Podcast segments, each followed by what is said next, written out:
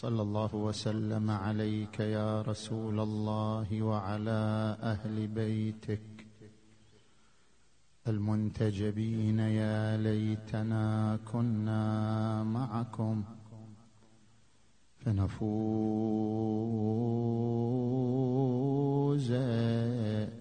فوزا عظيما.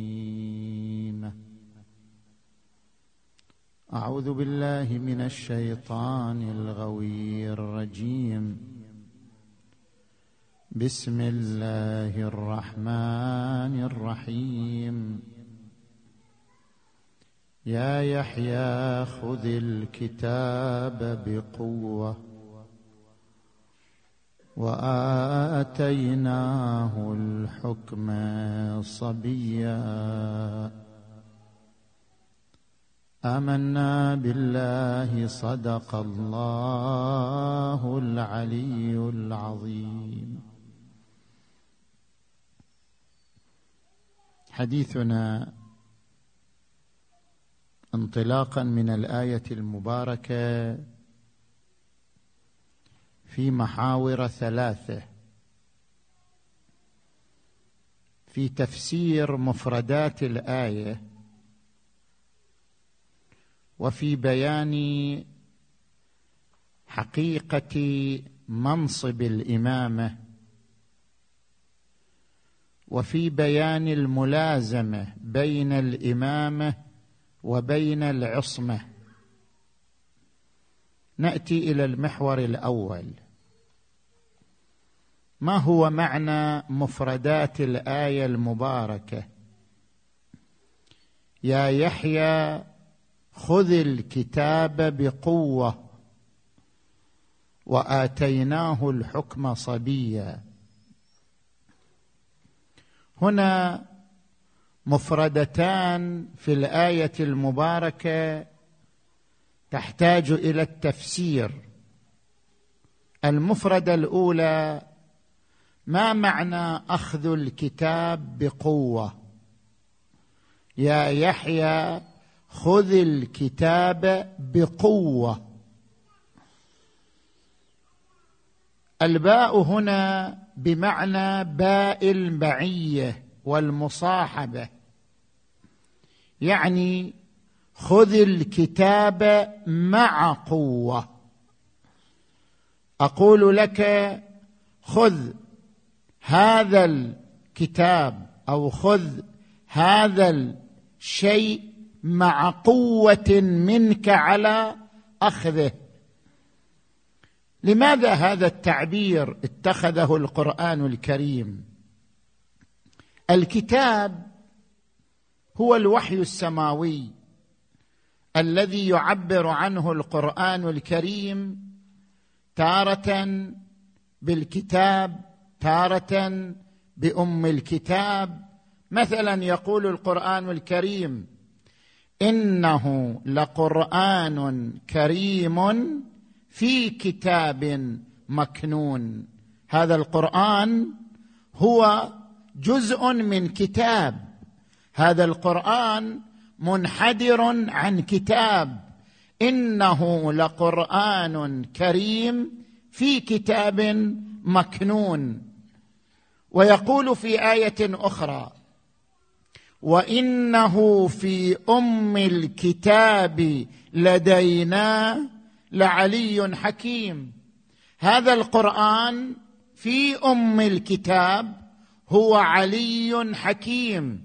اذا هناك مصدر اشتمل على القرآن وعلى التوراة وعلى الإنجيل وعلى الزبور. كل الكتب السماوية تنحدر من ذلك المصدر. ذلك المصدر الذي تنحدر عنه كل الكتب السماوية يعبر عنه القرآن الكريم بأم الكتاب. يعبر عنه القرآن الكريم في كتاب مكنون. هذا المصدر الذي هو يشتمل على الكتب السماوية كلها.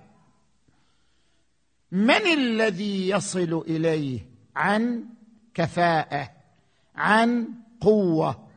خصوص الأنبياء. ممكن للإنسان العادي أن يصل إلى ذلك الكتاب لكن لا يصل إليه بقوة يصل إليه بضعف يصل إليه ببعض مراتبه. يمكن لبعض العلماء يمكن لبعض الأولياء أن يفهم بعض معاني الكتاب بعض مضامين الكتاب لكن فهمه لبعض مضامين الكتاب فهم عن ضعف وليس فهما عن قوة. الذي يستطيع أن يفهم الكتاب عن قوة أي أن يفهمه على حقيقته خصوص الانبياء دون غيرهم. لذلك يقول القرآن الكريم يا يحيى لأنك نبي ولست كسائر الناس. يا يحيى خذ الكتاب بقوة أي استوعب الكتاب الذي ينزل عليك استوعبه عن قوة ووضوح بحيث تصل إلى حقيقته وتصل إلى درك جوهره ومعانيه. هذا هو الفرق بين النبي وغيره. يا يحيى خذ الكتاب بقوة. هذه المفردة الأولى. المفردة الثانية وآتيناه الحكم صبيا. ما معنى الحكم؟ هل الحكم بمعنى القضاء؟ هل الحكم بمعنى النبوة؟ هل الحكم بمعنى الوحي؟ ليس الحكم بهذه المعاني كلها. ليس الحكم بمعنى الوحي وليس الحكم بمعنى النبوة وليس الحكم بمعنى القضاء. الحكم بمعنى الإمامة. لاحظوا القرآن الكريم عندما يعطف الحكم على الكتاب والنبوة. يقول القرآن الكريم ما كان لبشر أن يؤتيه الله الكتاب والحكم والنبوة. ثم يقول للناس كونوا عبادا لي. اذا الكتاب غير الحكم. النبوة غير الحكم. هناك ثلاثة أشياء كتاب وحكم ونبوة. وقال في آية أخرى وآتينا بني إسرائيل الكتاب والحكم والنبوة ورزقناهم من الطيبات. ما معنى الحكم إذن؟ الذي هو ليس الكتاب وليس النبوة الحكم بمعنى الإمامة. موسى من بني إسرائيل وكان إماما. عيسى من بني إسرائيل وكان إماما. نوح كان إماما. الرسل أولو العزم كانوا رسلا وكانوا أئمة. ولذلك القرآن الكريم يقول وجعلناهم أئمة يهدون بأمرنا. وقال في آية أخرى وجعلنا منهم أئمة يهدون بأمرنا. وقال لإبراهيم الخليل عليه وعلى نبينا وآله أفضل الصلاة والسلام. صلى على محمد واذ ابتلى إبراهيم ربه بكلمات فاتمهن قال اني جاعلك للناس اماما. قال ومن ذريتي قال لا ينال عهد الظالمين. اذا الحكم بمعنى الامامه. هذا هو المحور الأول تفسير مفردات الآية المباركة. نأتي إلى المحور الثاني. ما هي حقيقة الإمامة؟ وما هي مقومات الإمامة؟ من أجل أن نشرح حقيقة الإمامة ومقومات الإمامة لا بد أن نشرح اولا ما هو الفرق بين الهداية الخلقية والهداية الأمرية. لاحظوا الآية المباركة ماذا قالت؟ وجعلناهم أئمة يهدون بأمرنا. ما معنى كلمة يهدون بأمرنا؟ القرآن الكريم يقسم العالم إلى قسمين عالم خلق وعالم أمر. يقول القرآن الكريم ألا له الخلق والأمر. ما هو الفرق بين عالم الخلق وعالم الأمر؟ عالم الخلق هو عالم المادة عالم الأجساد هذا عالم الخلق. عالم الأمر عالم الأرواح. الأرواح ليست من الخلق الأرواح من الأمر. بمعنى عالم الخلق هو العالم الذي يخضع إلى عنصرين مادة ومدة. كل موجود يتأطر بهذين العنصرين مدة ومادة يعني زمن وتكعيب طول وعرض وعمق. كل موجود يخضع لعنصرين زمن وجسم مكعب طول وعرض وعمق. هذا يسمى من عالم الخلق. أجسامنا من عالم الخلق. الموجودات التي نراها من عالم الخلق لأنها كلها تخضع للزمن وتخضع للمادة. أما عالم الأمر وهو عالم الأرواح فإن عالم الأرواح لا يحدها زمن ولا تحدها أبعاد مادية. الروح من عالم الأمر الجسد من عالم الخلق. ولذلك يقول تبارك وتعالى يسألونك عن الروح قل الروح من أمر ربي ما قال من خلق ربي. يسألونك عن الروح قل الروح من أمر ربي وما أوتيتم من العلم إلا قليلا. الروح ليست شيئا ماديا يحده زمن ويحده ماده الروح من عالم آخر عالم مجرد عن هذين العنصرين مجرد عن الزمن مجرد عن المادة. لاحظوا القرآن الكريم كيف يعبر عن عالم الأمر. يقول وما أمرنا إلا واحدة كلمح بالبصر. يعني عالم الأمر عالم ليس فيه انتظار. اذا ليس فيه زمن. ليس فيه دورة تكعيبية يكتمل تدريجا حتى يصبح جسما. لا. وما امرنا الا واحدة كلمح بالبصر. اذا عرفنا أن هناك عالم خلق هناك عالم أمر. عرفنا أن الروح من عالم الأمر وليست من عالم الخلق. طيب بعد هذا نعرف أن الهداية على قسمين هداية خلقية هداية أمرية. ما هو الفرق بين الهداية الخلقية والهداية الأمرية؟ القرآن يذكر هذين النوعين من الهداية.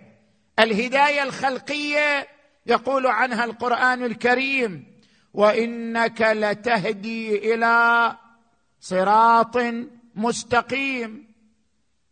هداية خلقية الرسول يرشد الناس يعظ الناس يصعد المنبر يفسر القرآن. هذه تسمى هداية خلقية. لكن ما هي الهداية الأمرية التي عبر عنها القرآن الكريم بقوله وجعلناهم أئمة يهدون بأمرنا؟ هذه الهداية الأمرية ما معناها؟ الهداية الأمرية خطاب للروح. وليس خطابا للجسد. هناك خطابان خطاب للجسد وخطاب للروح. أنا الآن أخاطبك وأنت جالس أمامي. هذا خطاب للجسد. خطاب يصل إلى سمعك ثم يصل إلى دماغك ثم يصل إلى روحك ثم تستيقظ الروح. هل تقبل هذا الخطاب أو ترفضه؟ هذا الخطاب خلقي. هذه الهداية خلقية لأنها تخاطب الأذن تخاطب السمع تخاطب الجسد فتسمى هداية خلقية. لكن عندنا نوع ثاني من الخطاب خطاب يتكلم مع الروح لا مع السمع لا مع الجسد لا مع الأذن. خطاب ينفذ إلى الروح. بشكل مباشر يسمى بالهداية الأمرية. كيف؟ نحن عندما نقرأ قوله تعالى نزل به الروح الأمين على قلبك لتكون من المنذرين بلسان عربي مبين. القرآن مو خطاب صوت. ما جاء جبرائيل وتكلم بصوت والنبي سمع الصوت وبعدين استوعبه وبعدين ترجمة وبعدين أصبح قرانا. لا ليس القرآن خطابا لفظيا خطابا صوتيا. قرآن خطاب أمري خطاب قلبي. جبرائيل اتصل بقلب النبي محمد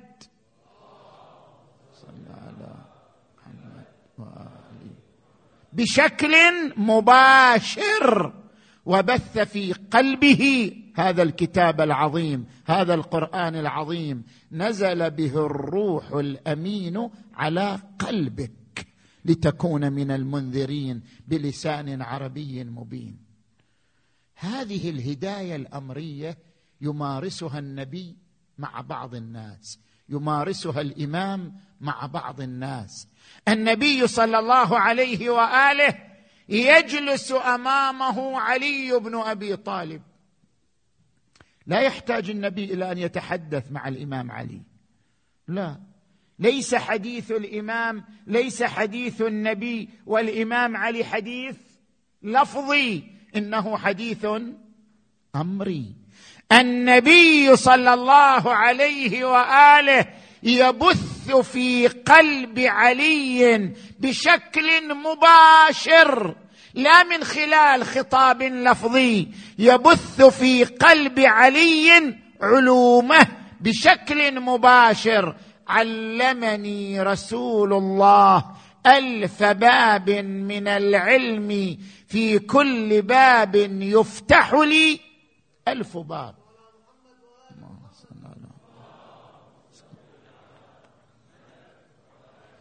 المسألة مسألة خطاب أمري هداية أمرية. نفس الشيء الإمام علي مع بعض الصحابة. نفس الشيء. الإمام علي يمارس هذا الدور مع بعض الأصحاب. الإمام علي يهدي سلمان الفارسي. هداية أمرية. يكلم روحه لا يكلم سمعه. وهذا ما يعبر عنه بالهداية الأمرية. اذا ما هو الفرق بين الإمام وغيره؟ ما هو الحد الفاصل بين الإمام وغيره؟ نقول هذا إمام هذا ليس إمام. الحد الفاصل الإمام من يقدر على الهداية الأمرية. من يقدر على هذه القوة أن يؤثر في القلوب من دون أن يتكلم فهو الإمام هو القادر على الهداية الأمرية. لذلك قال تبارك وتعالى وجعلناهم أئمة بأي شيء يتميزون يهدون بأمرنا أن لهم هداية أمرية. ربما الإنسان يستنكر ذلك يقول إيش دعوة؟ الإمام بشر فهو مو الله. الإمام خوب مو إله. الإمام بشر كيف يستطيع هذا البشر أن يبث الهداية في قلوب الناس من دون خطاب من دون لفظ؟ هذا صار الإمام إله. نقول لا. هذا المنصب موجود عند إبليس. إيش رأيك أنت؟ إبليس عنده هذه القدرة. فكيف لا تكون للإمام المعصوم؟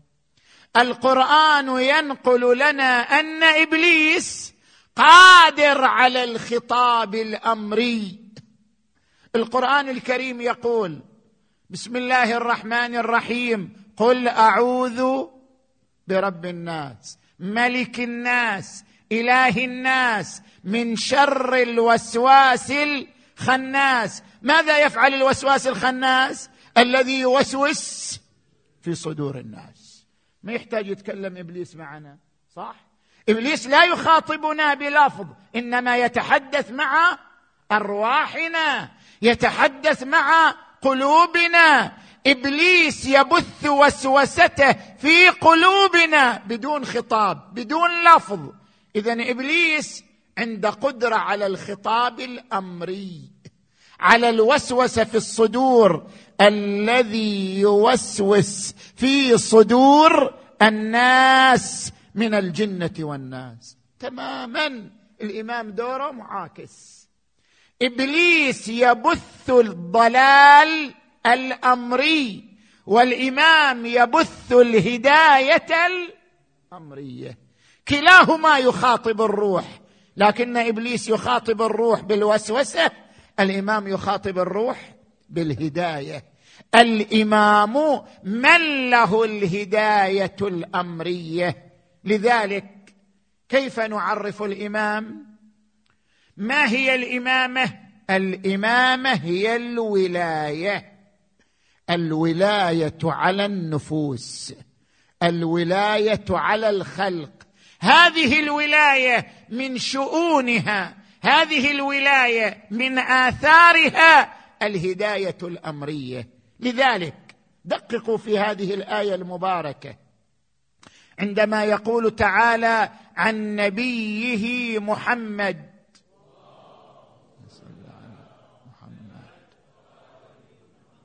النبي أولى بالمؤمنين من أنفسهم. شنو معنى النبي أولى بالمؤمنين من أنفسهم؟ يعني النبي له الولاية على أنفسنا. النبي له الولاية على نفوس الخلق. النبي أولى بالمؤمنين من أنفسهم. أي أن له ولاية على نفوس الخلق. قد يستغرب الإنسان هذا كيف يعني له ولاية على نفوس الخلق؟ القرآن الكريم يقول وما نقموا إلا أن أغناهم الله ورسوله من فضله. الله يغني الرسول أيضا يغني. وما نقموا إلا أن أغناهم الله ورسوله من فضله. ولذلك أنتم تقرؤون في زيارة الجامعة الوارده عن الإمام الجواد وفي رواية واردة عن الإمام الهادي عليهما السلام في زيارة الجامعة ماذا قال؟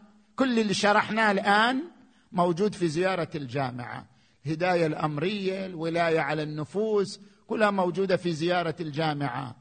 آتاكم الله ما لم يؤت أحدا من العالمين.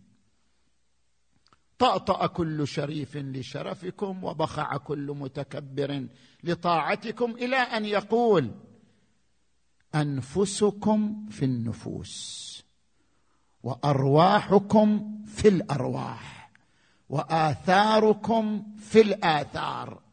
ما معنى أنفسكم في النفوس؟ ما معنى أرواحكم في الأرواح؟ ما معنى آثاركم في الآثار؟ أنفسكم في النفوس أي أن لأنفسكم ولاية على نفوس الخلق. ولأن لأنفسكم ولاية على نفوس الخلق. أنتم قادرون على الهداية الأمرية دون غيركم. لكم هذا المقام وهو مقام الهداية الأمرية. الإمام بمعنى الولاية. وهذه الولاية كانت للرسول محمد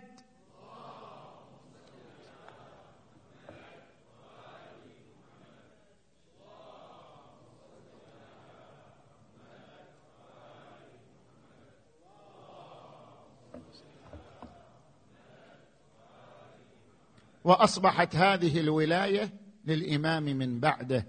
الرسول صلى الله عليه وآله يقول يوم الغدير ألست أولى بكم من أنفسكم؟ قالوا بلى يا رسول الله. قال فمن كنت مولاه فهذا علي مولاه. اللهم وال من والاه وعاد من عاداه وانصر من نصره واخذل من خذله وأدر الحق معه. حيثما دار. المحور الثالث نتكلم عنه باختصار. الإمامة ملازمة للعصمة. لا يعقل أن يكون إماما وليس معصوما. لماذا؟ لأن الإمام هو من يبث الهداية. كيف يبث الهداية وهو؟ ليس نبعا من الهداية. يقول القرآن الكريم أفمن يهدي إلى الحق؟ أحق أن يتبع أم من لا يهدي إلا أن يهدى؟ ما لكم كيف تحكمون؟ الناس على قسمين قسم لا يستطيع أن يهدي غيره حتى يهدى. هذا ليس بمعصوم. وقسم قادر على هداية الناس لأنه هو قطعة من الهداية لأن قلبه هو قطعة من الهداية. أيهما أولى بالاتباع؟ الثاني وليس الأول. أفمن يهدي إلى الحق؟ أحق أن يتبع. ام من لا يهدي إلا أن يهدى. ما لكم كيف تحكمون؟ الامامه ملازمة للعصمة. والعصمة ليست عبارة عن عجز الإنسان عن الذنب. كثير يتصور المعصوم يعني ما يقدر يذنب. معصوم مستحيل ما يقدر يذنب. معصوم يعني مثله مثل الملائكة ما يقدر يذنب. لا. فرق بين إمكان الذنب وبين وقوع الذنب. كما يقولون في الفلسفة فرق بين الإمكان الذاتي والإمكان الوقوعي كيف يعني فرق بين الإمكان الذاتي والإمكان الوقوعي الآن أنا أشرح لك بالمثال. الإنسان العادي أنا وأنت أنا وأنت نحن معصومون عن تناول القذارات. أنت شايف إنسان عاقل يأكل البراز؟ شايف إنسان عاقل يشرب البول؟ ما في إنسان عاقل يأكل براز ويشرب البول. ما في. اذا كل إنسان عاقل معصوم عن شرب البول وأكل البراز. كل إنسان. لماذا؟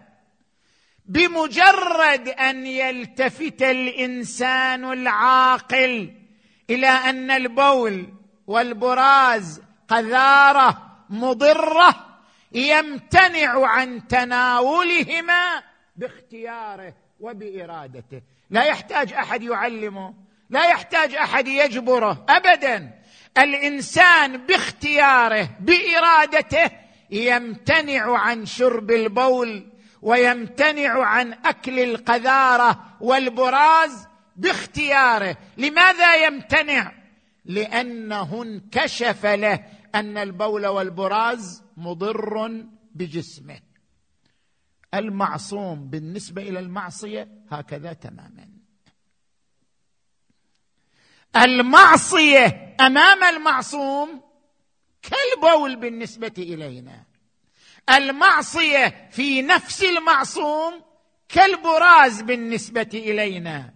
المعصوم عليه السلام يمتنع عن المعصية باختياره بإرادته وإنما يمتنع عن المعصية لأن المعصية تنكشف لديه بضررها بأوحالها بأوساخها فينفر منها ويمتنع عنها بإرادته وباختياره. لأن المعصوم مجبور الله لم يجبره على ترك الذنب. ولذلك القرآن الكريم ماذا يقول في حق النبي صلى الله عليه وآله؟ يقول لئن أشركت ليحبطن عملك. وقال في آية أخرى ولو تقول علينا بعض الأقاويل لأخذنا منه باليمين ثم لقطعنا منه الوتين. يمكن أن يشرك يمكن أن يذنب لكنه لا يذنب ولا يشرك. لماذا؟ الإمكان الذاتي موجود بمعنى أنه مختار وليس بمجبور لكن الإمكان الوقوعي غير موجود. لماذا؟ لأن المعصية بنظره كالقذارة بنظرنا. فكما أننا نمتنع عن تناول القذارة بإرادتنا واختيارنا كذلك المعصوم يمتنع عن الذنب بإرادته واختياره. إنما يريد الله ليذهب عنكم الرجس أهل البيت ويطهركم تطهيرا.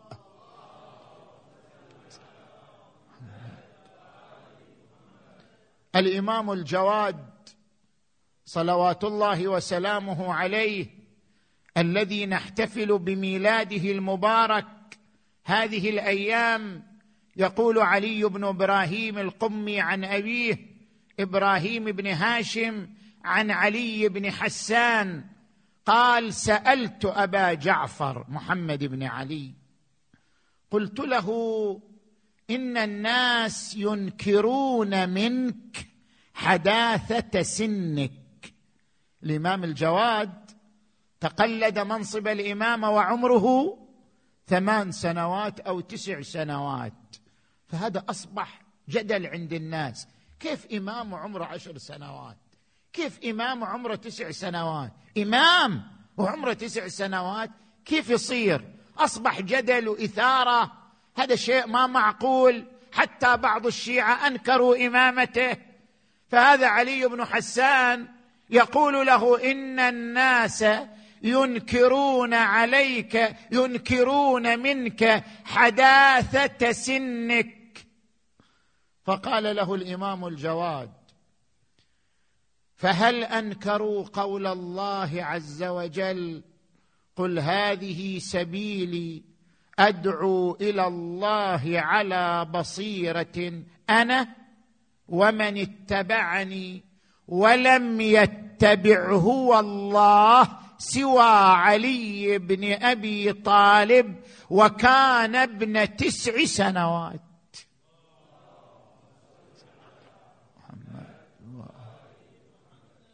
النبي حينما بعث أول من آمن به واتبعه علي بن أبي طالب وكان عمره تسع سنوات.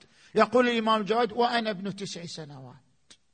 وفي حديث آخر خاطبهم وقال أما قال تعالى يا يحيى خذ الكتاب بقوة وآتيناه الحكم صبيا. القرآن يقول إن الله أعطى الإمام ليحيى وهو صبي دون العاشر من العمر.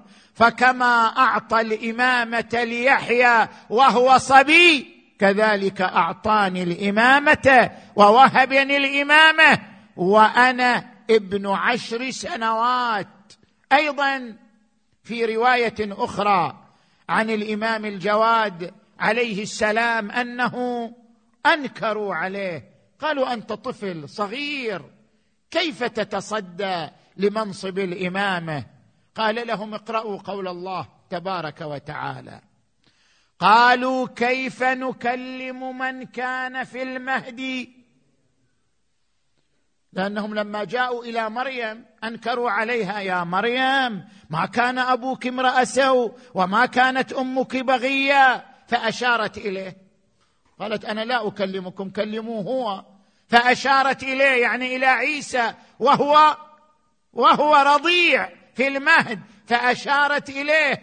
قالوا كيف نكلم من كان في المهد صبيا؟ قال إني عبد الله. هو تكلم. قال إني عبد الله. آتاني الكتاب. وجعلني نبيا. وجعلني مباركا أينما كنت.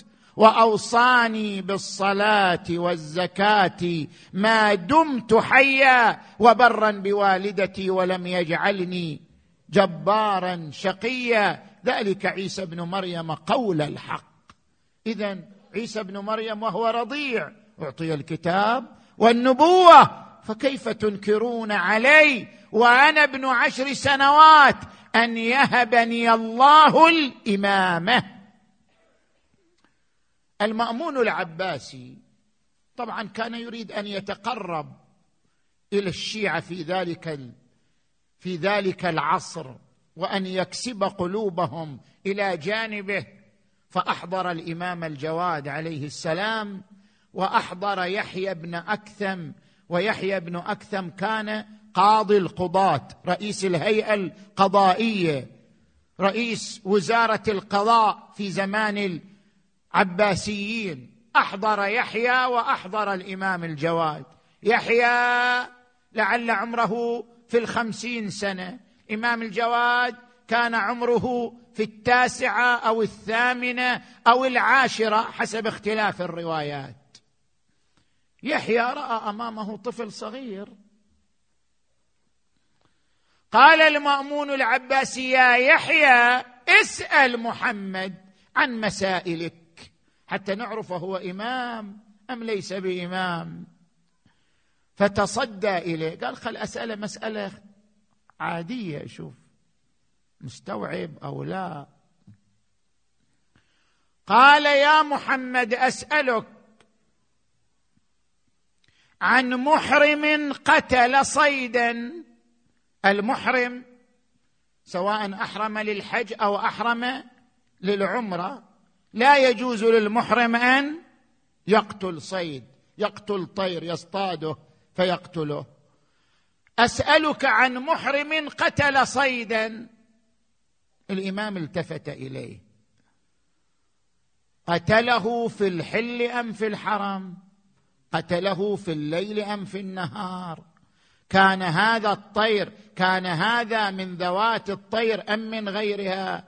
كان من صغار الطير أم من كبارها؟ قتله متعمدا أم جاهلا؟ قتله مصرا أم نادما؟ صار يطرح عليه عدة فروع بحيث أن يحيى تاهت المسألة من بين يديه ولم يدر في أي فرع يتكلم مع الإمام عليه السلام. وفي رواية أخرى سأله قال يعني الإمام سأله قال يا يحيى أنا أسألك. انت سألتني وأنا أجبتك. أنا الآن أسألك أنت قاضي القضاة ورئيس الهيئة القضائية أنا الآن أسألك. وأنت أجبني. قال تفضل. قال ما تقول في رجل نظر إلى امرأة أول النهار فكان نظره إليها حراما؟ فلما صار الضحى صار نظره إليها حلالا. فلما صار الظهر صار نظره إليها حراما. فلما صار العصر صار نظره إليها حلالا. فلما صار المغرب صار نظره إليها حراما. فلما صار العشاء صار نظره إليها حلالا. فلم يحر جوابا. يحيى بن أكثم ما قدر ما ما ما اهتدى إلى جواب. كيف يعني خلال يوم واحد هو رجل وامرأة كل وهذا واحد وهذا واحد. النظر حرام أول الصباح حلال في الضحى حرام في الظهر عصر حرام في المغرب حلال. كيف يتم هذا؟ ما اهتدى إلى حل المسألة. طبعا الإمام بعدين أجاب أنا الآن ما أجيب حتى أنتم تشتاقوا. تبحثوا عن هذه المسألة. وين صايرة؟ وشنو جوابها؟ أترك لكم البحث عن جواب هذه المسألة التي طرحها محمد الجواد على يحيى بن أكثم. صلوا على محمد وآل محمد.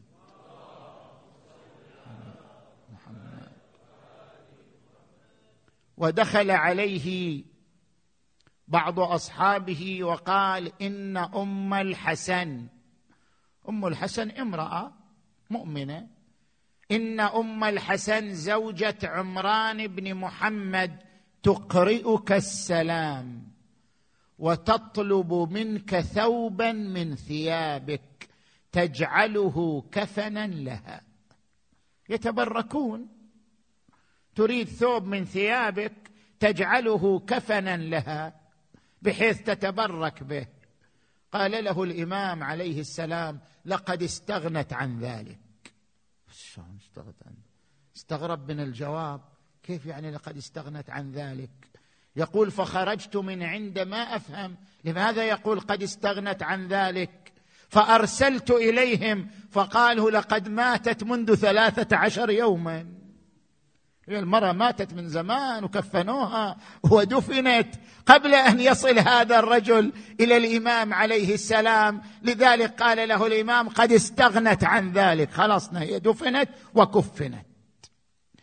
كان هذا متعارف أن يتوسلوا بثياب المعصومين ويجعلوها كفنا أو مع الكفن لكي تقيهم من عذاب القبر أو من ضغطة القبر. فاطمة بنت أسد أم الإمام علي بن أبي طالب. فاطمة بنت أسد حينما قربت منها الوفاة التفتت إلى رسول الله. طبعا هي تعتبر الرسول ولدها لأن الرسول عاش في بيتها وتحت كنفها. تعتبر الرسول ولدا من أولادها فاطمة بنت أسد. قالت يا رسول الله أعطني قميصك الذي تصلي فيه صلاة الليل. لكي يكون كفنا لي فيقيني من ضغطة القبر. والرسول صلى الله عليه وآله وعدها ووفى بوعده لها. لما توفيت فاطمة بنت أسد قام الرسول حفر قبرها بيديه. هذا القبر الموجود الآن في البقيع قريب من قبور الأئمة عليهم السلام. قام الرسول حفر قبرها بيديه وحينما سوى القبر وأكمله دخل ونام في القبر. الرسول اضطجع في القبر حتى يكتسب القبر بركة من جسم الرسول صلى الله عليه وآله نزل واضطجع في القبر ورمق بطرفه إلى السماء. وهذه الرواية موجودة في كتب أهل السنة أيضا كما هي موجودة في كتب الشيعة. قال اللهم بحق نبيك وبحق الأنبياء من قبلي إلا غفرت لأمي فاطمة بنت أسد.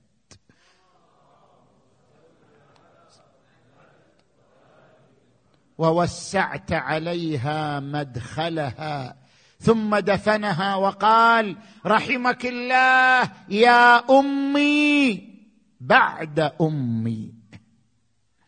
اذا التوسل بأقمصة بثياب بأكفان المعصومين عليهم السلام كانت امرا متعارفا لدى القريبين واللصيقين من الأئمة الطاهرين صلوات الله عليهم أجمعين.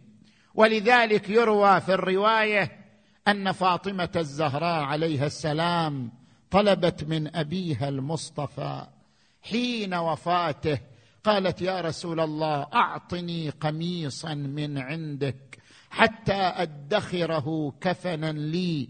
قال يا بني إن جبرائيل نزل من الجنة بكفن قسمه أربعة أقسام فكان قسما لأبيك المصطفى وقسم لك يا فاطمة والقسم الثالث لعلي المرتضى والقسم الرابع للحسن المجتبى فذهلت وقالت يا رسول الله يا أبتاه ذكرت أن الكفن يقسم أربعة والقسم الرابع لولدي الحسن المجتبى. أليس لولدي الحسين حصة من الكفن؟ أليس لحبيبي الحسين نصيب من الكفن؟ إنه حبيب قلبي إنه مهجتي. قال لها يا بنتي يا فاطمة كأني به صريعا على الثرى بلا غسل ولا كفن. الله أكبر ليت رسول الله حضر عنده وهو ملقى على الثرى. ليت فاطمة الزهراء حضرت عنده والدماء تسفي والرياح تسفي على جسمه. الله أكبر بقي ثلاثا على الثرى بلا غسل ولا كفن. ساعد الله قلب العقيلة زينب. عندما وقفت على جسده ورأته مبضعا مقطعا قطعة قطعة.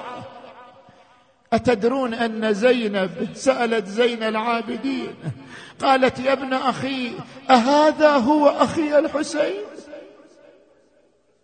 هي كانت ترى أخاها الحسين بصورة أخرى. غطا جميلا طريا وإذا بالحسين مقطع قطعة قطعه يا ابن أخي أهذا أخي الحسين؟ أهذا عزيزي الحسين؟ أهذا ابن والدي الحسين؟ قال لها نعم عم هذا هو والدي. والشفنا اليموت تجيه دفان يحفر قبر ويفصل أكفان. ما شفنا اليموت ظل عريان وتلعب عليه الخيل ميدان. ما غسلوه ولا لفوه في كفن يوم الطفوف ولا مدوا. عليه رداء يا الله. اللهم بالحسين الوجيه وجده وأبيه وأمه وأخيه والتسعة من بنيه اللهم اغفر ذنوبنا واستر عيوبنا وكفر عنا سيئاتنا وتوفنا مع الأبرار. اللهم وفقنا لمراضيك وجنبنا معاصيك. اللهم صل على محمد وآل محمد اللهم كن لوليك الحجة بن الحسن صلواتك عليه وعلى آبائه في هذه الساعة وفي كل ساعة وليا وحافظا وقائدا وناصرا ودليلا وعينا حتى تسكنه أرضك طوعا وتمتعه فيها طويلا. برحمتك يا أرحم الراحمين. وإلى أرواح أمواتكم وأموات المؤمنين والمؤمنات الفاتحة تسبقها الصلوات.